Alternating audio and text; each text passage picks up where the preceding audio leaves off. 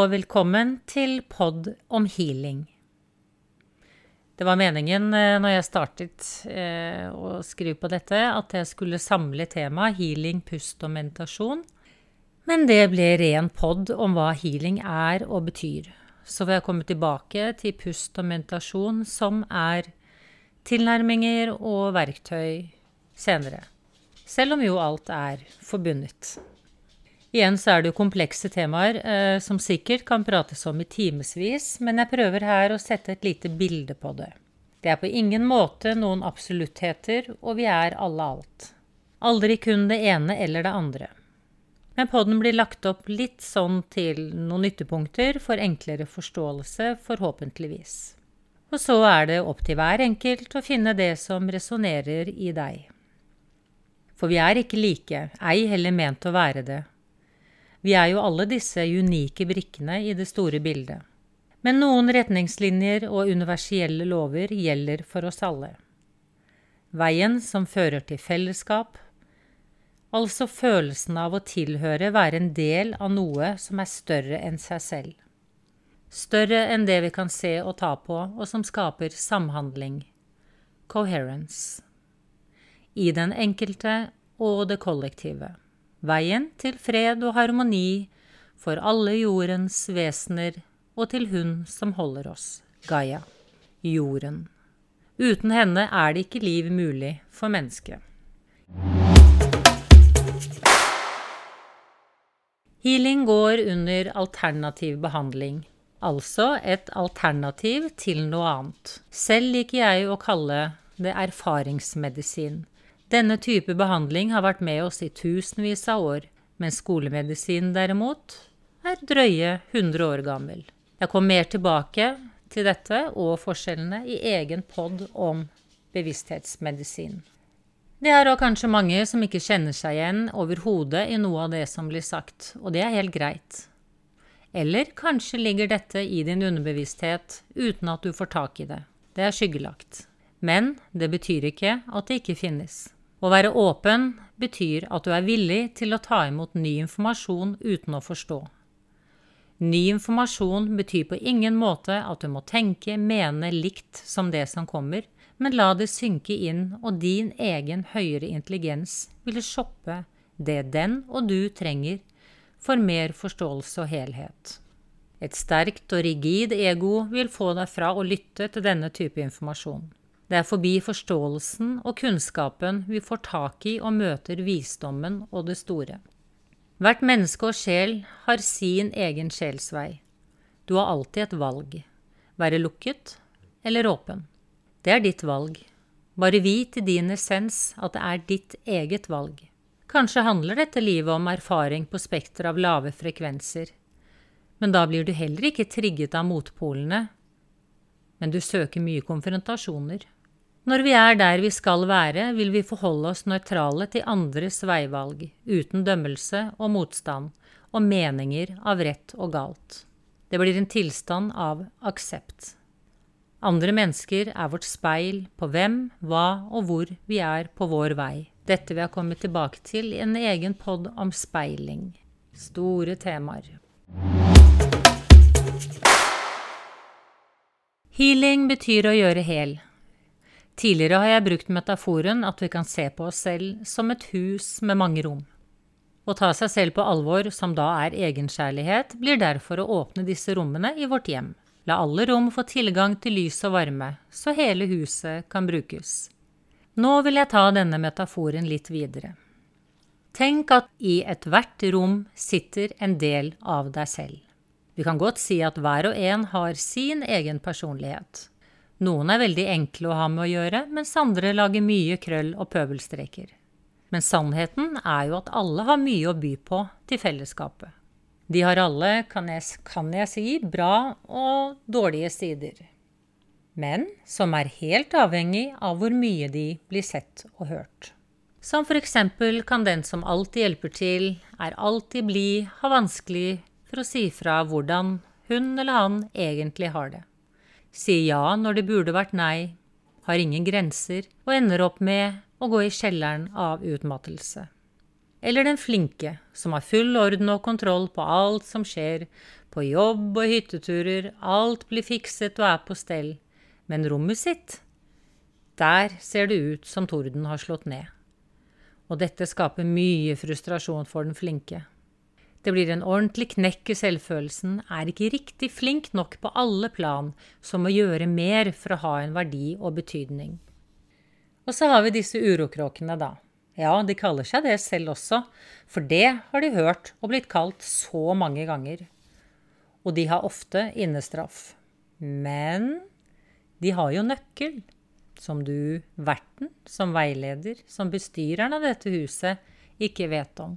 Så selv om de blir puttet og holdt i de innerste rom, kommer de seg alltid ut. Og da blir det ofte leven. Og siden de kjenner på mye undertrykkelse, tar de gjerne igjen for det når de får sjansen. De kommer ut og opp når veilederen minst venter det. Det blir bråk og uro i fellesskapet. De erter og mobber de andre, knebler de lydige og flinke. Det blir rene barnehagen uten styring, med skrik og skrål. Perler som triller utover gulvet, tegninger blir revet i stykker og vannbøtter snubles over så det flyter overalt. Veilederen av huset mister helt kontrollen og aner ikke hvilken ende hun eller han skal begynne for å ordne opp, eller blir helt handlingslammet. Det må litt av et opprydningsarbeide til for å få alt på plass og alle tilbake på rommene sine.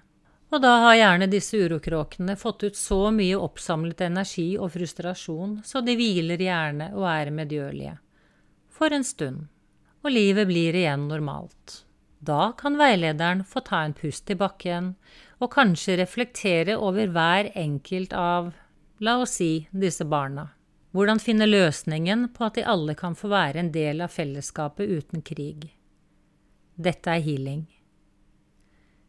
Eller veilederen er så sliten at det eneste som frister, er å flykte. Fjerne seg fra det hele gjennom stimuli eller arbeid ute av huset. Hvis det siste alternativet, altså flykte, er ofte det som skjer, så tro ikke annet enn at barna har lært seg rutinen. Det blir som det gode, gamle ordtaket når katten er borte, danser musene på bordet. Og siden disse urokråkene er opposisjon, får de gjerne lederen til å flykte ut. Da er det fritt frem, og ting og hendelser kan ofte skje som veilederen ikke kan stå for eller ta eierskap for. Lederen har ansvaret, men var jo ikke til stede. Og når en veileder ikke er til stede, og veileder, raseres huset. Så vi har her en situasjon med to flanker. Et hus delt i to. De snille, hva nå det betyr, de lydige og ordentlige som gjør hva som forventes, og rebellene. Denne tilstanden av separasjon innenfor de samme veggene skaper jo også frustrasjon for de som bor der.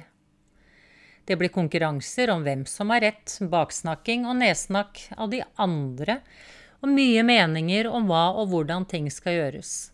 Og det blir fordelt mye skyld. Dagene går med til å skule mot de andre og slåss om plassen. Og dette tar på veilederen og stadig roer gemyttene. Det er liksom aldri fred å få hjemme, så da flyktes huset. Og da er det i gang igjen. Denne runddansen som ser ut til å ingen ende ta. Men hva om veilederen prøver en ny tilnærming? Ta en samtale med hver og en om hvordan de egentlig har det? Hva drømmer de om? Hva ønsker de? Hva skjer da? Nå tar vi en liten snarvei her, sånn som de gjør på TV-kjøkkenet. Hvor eh, ingrediensene blir kuttet og blandet, og vips, så er middagen klar. Dere vet sånn, steken er gjort på fem minutter. så samtalene i vårt hjem er nå tatt. Og du verden så mye informasjon som har kommet frem. Veilederen hadde ingen anelse om hva som bodde i hver enkelt. Det har vært møter i ærlighet, med latter og gråt, lengsler, sår og drømmer. Potensialer i hver enkelt som aldri har blitt sett. Og det mest oppsiktsvekkende er at alle ønsker det samme. Leve sitt liv, men også være sammen og hjelpe hverandre ha sin egen rolle i fellesskapet, men aldri være eller føle seg alene. Bytte på oppgaver og ansvar. Lære av hverandre, jobbe som en helhet. Som for eksempel at rebellene lærer struktur og kanskje litt begrensninger av de flinke, og de igjen lærer å gi litt mer slipp og bli mer nysgjerrig og lekne. At alle utfyller hverandre i balanse.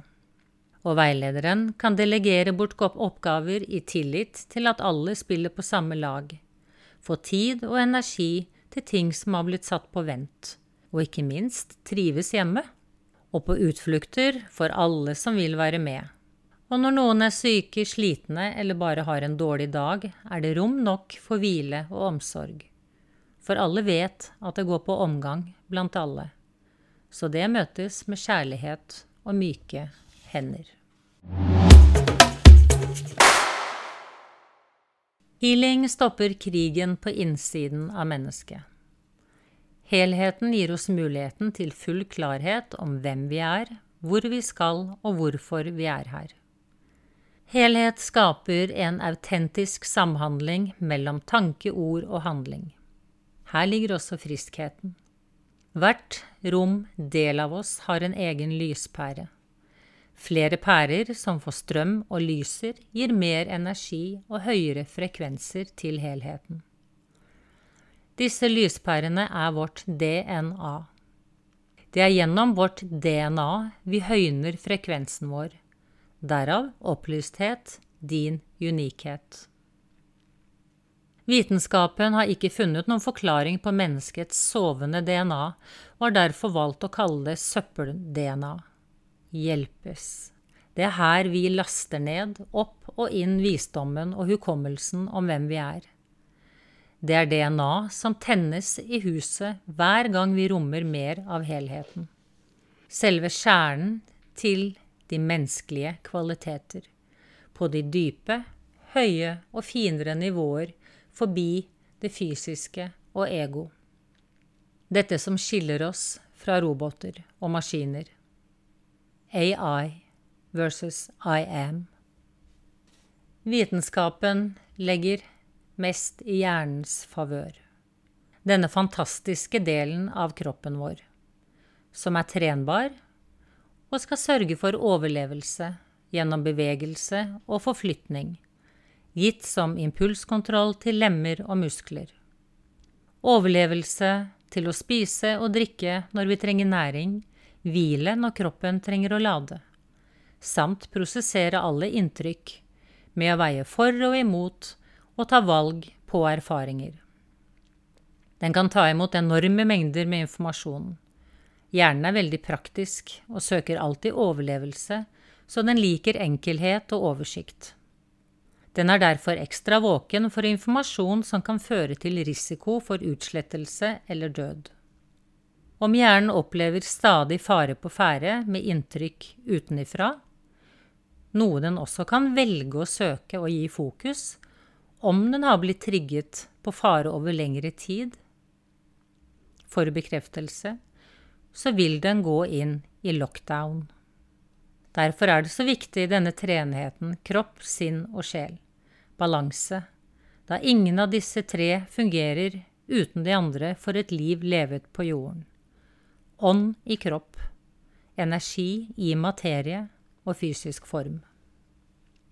En healing er først og fremst en livsendring, en wake-up call. Endringer og nye valg tas. Det er ikke nødvendigvis den fysiske endring som heales først. Healing skaper en mulighet til å velge bort det vi ikke lenger vil ha i livet som leves. Vi velger på nytt, omprogrammerer. Ved nye valg endres tidslinjen til personen. Ved nye valg endres tidslinjen til personen. Fortid som er tung å dra på, kuttes. For endring så må noe velges bort. Det er eneste mulighet for forandring. Velge bort er å bevege seg fremover. En healing regenererer cellene, livsenergien. Den går dit den trengs. Ikke nødvendigvis for overlevelse eller et smertefritt liv, men aktiverer nye valg, endringer i livsstil, tankesett, væremåte og overbevisninger. Personen føres inn i sitt eget liv, sin sannhet og vei som skal eller ønskes å leves. Blokkeringer løses opp og fører til energi, glede, håp, tillit, friskhet og ord, tanke til handling. Alt ut ifra personens sjelsoppgave som personen selv ikke får tak i, grunnet frykt og overbevisninger. Personen vet eller sanser allikevel at noe må endres, ofte gjennom sykdom som er kroppens kommunikasjonssystem. Og hva er friskhet? Hva er god helse? Kanskje er det å stå opp om morgenen og ha en drøm, ha energi til handling og gjennomføring, på tross av smerte, sorg og alt livet byr på av erfaringer. Så har vi allikevel håp og glede over levd liv, vårt eget liv. Det er innholdet og ikke lengden som betyr noe. Det går fint å ha et langt liv uten å ha levet. En healer vet og husker dette, har tillit til det store og hukommelsen av hva mennesket er og kommer fra. En healer fungerer derfor som en bro mellom det store og det lille. Makro, mikro, univers. En healer arbeider med og for den høyere intelligens. Det er ikke healeren selv som healer deg. En healer er en som holder broen og åpner rom, sånn at du får muligheten til å vekke din egen indre healer og heale deg selv. Og en sann healer vet at å heale seg selv er å heale verden. Som innsiden, så utsiden. Går jeg ikke innom, går jeg utenom. Alle har vi verktøyet for å heale oss selv, og sammen med andre, som for eksempel gjennom kurs, retreats eller grupper, så går det ti ganger fortere. Noe kan være såpass gammelt eller godt gjemt at det er behov for en veiviser.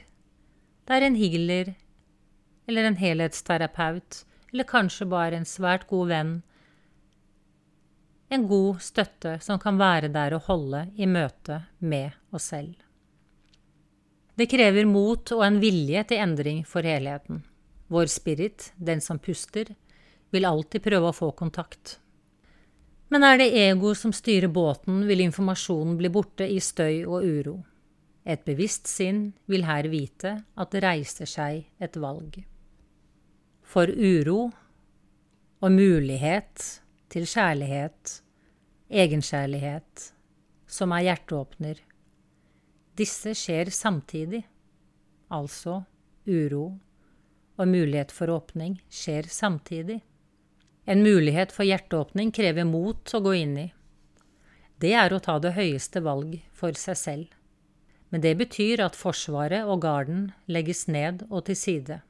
Vi gjør oss sårbare. Sårbarhet er å vise, slippe frem noe som er beskyttet, eller vi tror ingen kan vite om oss. Vi viser frem et avlåst rom. Med sårbarheten kommer skammen over å vise frem noe overbevisninger har lært oss til at er svakhet. En overbevisning om at noen ser eller får vite om disse delene av oss, er vi ikke verdt å elske. Vi vil bli avvist og latterliggjort. Skammen er nært knyttet til ego, beskyttelse. Og det er her vi står i det, møter, aksepterer, og da er veien åpen inn i kjærligheten. Vi har valgt å åpne hjertet. Fått større plass og rom i oss selv. En hjerteåpning forblir åpen, og det blir enklere og går mye fortere for hver utvidelse som velges å tas. Samme prosess. Stoppe opp, velge og møte. Stå i det. Jackpot. Denne prosessen som her er forklart, blir det samme som de sier i eventyrene. Når trollet kommer ut til lyset, så sprekker det. Det er mange sannheter som har blitt gjort om til eventyr. Og det som var så skummelt og forferdelig, blir brått ubetydelig. Det blir en helt ny plattform med ny utsikt og forståelse av seg selv og andre. Og takknemlighet og ro vil fylle huset. Når vi finner motet til, for det krever sitt mot å følge hjertet. For det går ofte på tvers av fornuften og andres meninger. Derfor velger mange å ikke gå ned den veien. For sjelen vet at det følger med et ansvar å velge kjærligheten. Vi tar ansvar for oss selv, og det er stort. Det er kjempestort. Og det er meningen med livet. Bli den fulle versjonen av oss unike selv, for helheten. Det er mye enklere å la seg henfalle til å bli fortalt og bli ledet, men det er ikke liv laget. Det går fint an å leve her på jorden uten å søke noe som helst utenom det fysiske, men vi er alle åndelige, spirituelle ved å være i live. Derfor vil det alltid oppleves en tilstand av tomhet og utilfredshet om ikke denne treenheten, kropp, sinn, sjel, bekreftes. Det kan ofte resultere i mye begjær etter noe, og da utenfor. Stadig søke noe større, bedre, som kan fylle dette tomrommet på innsiden. Det blir strebet etter noe. Og når det er fortært, spist, betalt eller i hende, blir det aldri helt som tenkt eller drømt om. Vi kan godt kalle dette et quick fix, og begjæret tennes igjen etter enda større og bedre. Et umettelig begjær som tar oss vekk fra stedet hvor rikdommen er, på innsiden. Vi har fått en verden hvor store deler av menneskeheten har glemt hvor vi kommer fra og er av. Lysenergi. Skapende individer. Vi kan skape vår egen virkelighet gjennom tanke. Alt er energi av lavere, høyere frekvenser. La oss si Gud og djevelen, himmel og helvete, høyere, lavere frekvenser, i hver og en av oss. Vi selv påvirker frekvensen gjennom våre tanker og overbevisninger. Og fra oss selv sendes dette ut til det kollektive. Omtrent som en kopimaskin. Vi står nå midt oppe i tidenes oppvåkning og healing. Det er et utfall av at mange mennesker har våknet og ser at altfor mye i denne verden ikke henger på greip. Mayafolket forutså dette skiftet at vi gikk inn i en ny tidsepoke av egoets fall. Denne epoken hvor andre energier som ikke er av mennesket, har fått innpass. Og det er opp til hver enkelt å kjenne igjen hva som er oppbyggende og bærekraftig for fremtiden. Huske disse grunnprinsippene vi er avhengig av. Fellesskap, intimitet, åpenhet, ærlighet, bevissthet, kjærlighet, sosialisering og møter. Luft, vann, varme, ren mat og frihet til å velge dette. Motsatsen av disse grunnprinsippene er i andre enden av healing og styres ut av frykt. Det er egentlig bare to følelser og undergruppene av disse frykt og kjærlighet. Dette skiftet begynte for alvor i slutten av 2019. Det har vært en oppseiling en del år før det, men jeg velger her å forholde meg fra 2019. Jeg tenker det er der de fleste har merket en endring. Utfallet av denne oppvåkningen er ennå ikke gitt.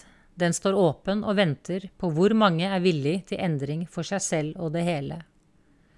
Frekvensene i hvert enkelt menneske har en avgjørende betydning i veien videre. DNA må tennes for villighet til endring. For jordens barn, hennes vann, natur og ressurser. Alt henger sammen. Uten henne, jorden, ingen menneskehet. Vi har nå mulighet til healing globalt. Som dere skjønner er healing mye mer enn håndspåleggelse, og det er like mange tilnærminger som det er mennesker. Det første steg av healing er først å åpne opp for at vi er en del av noe større.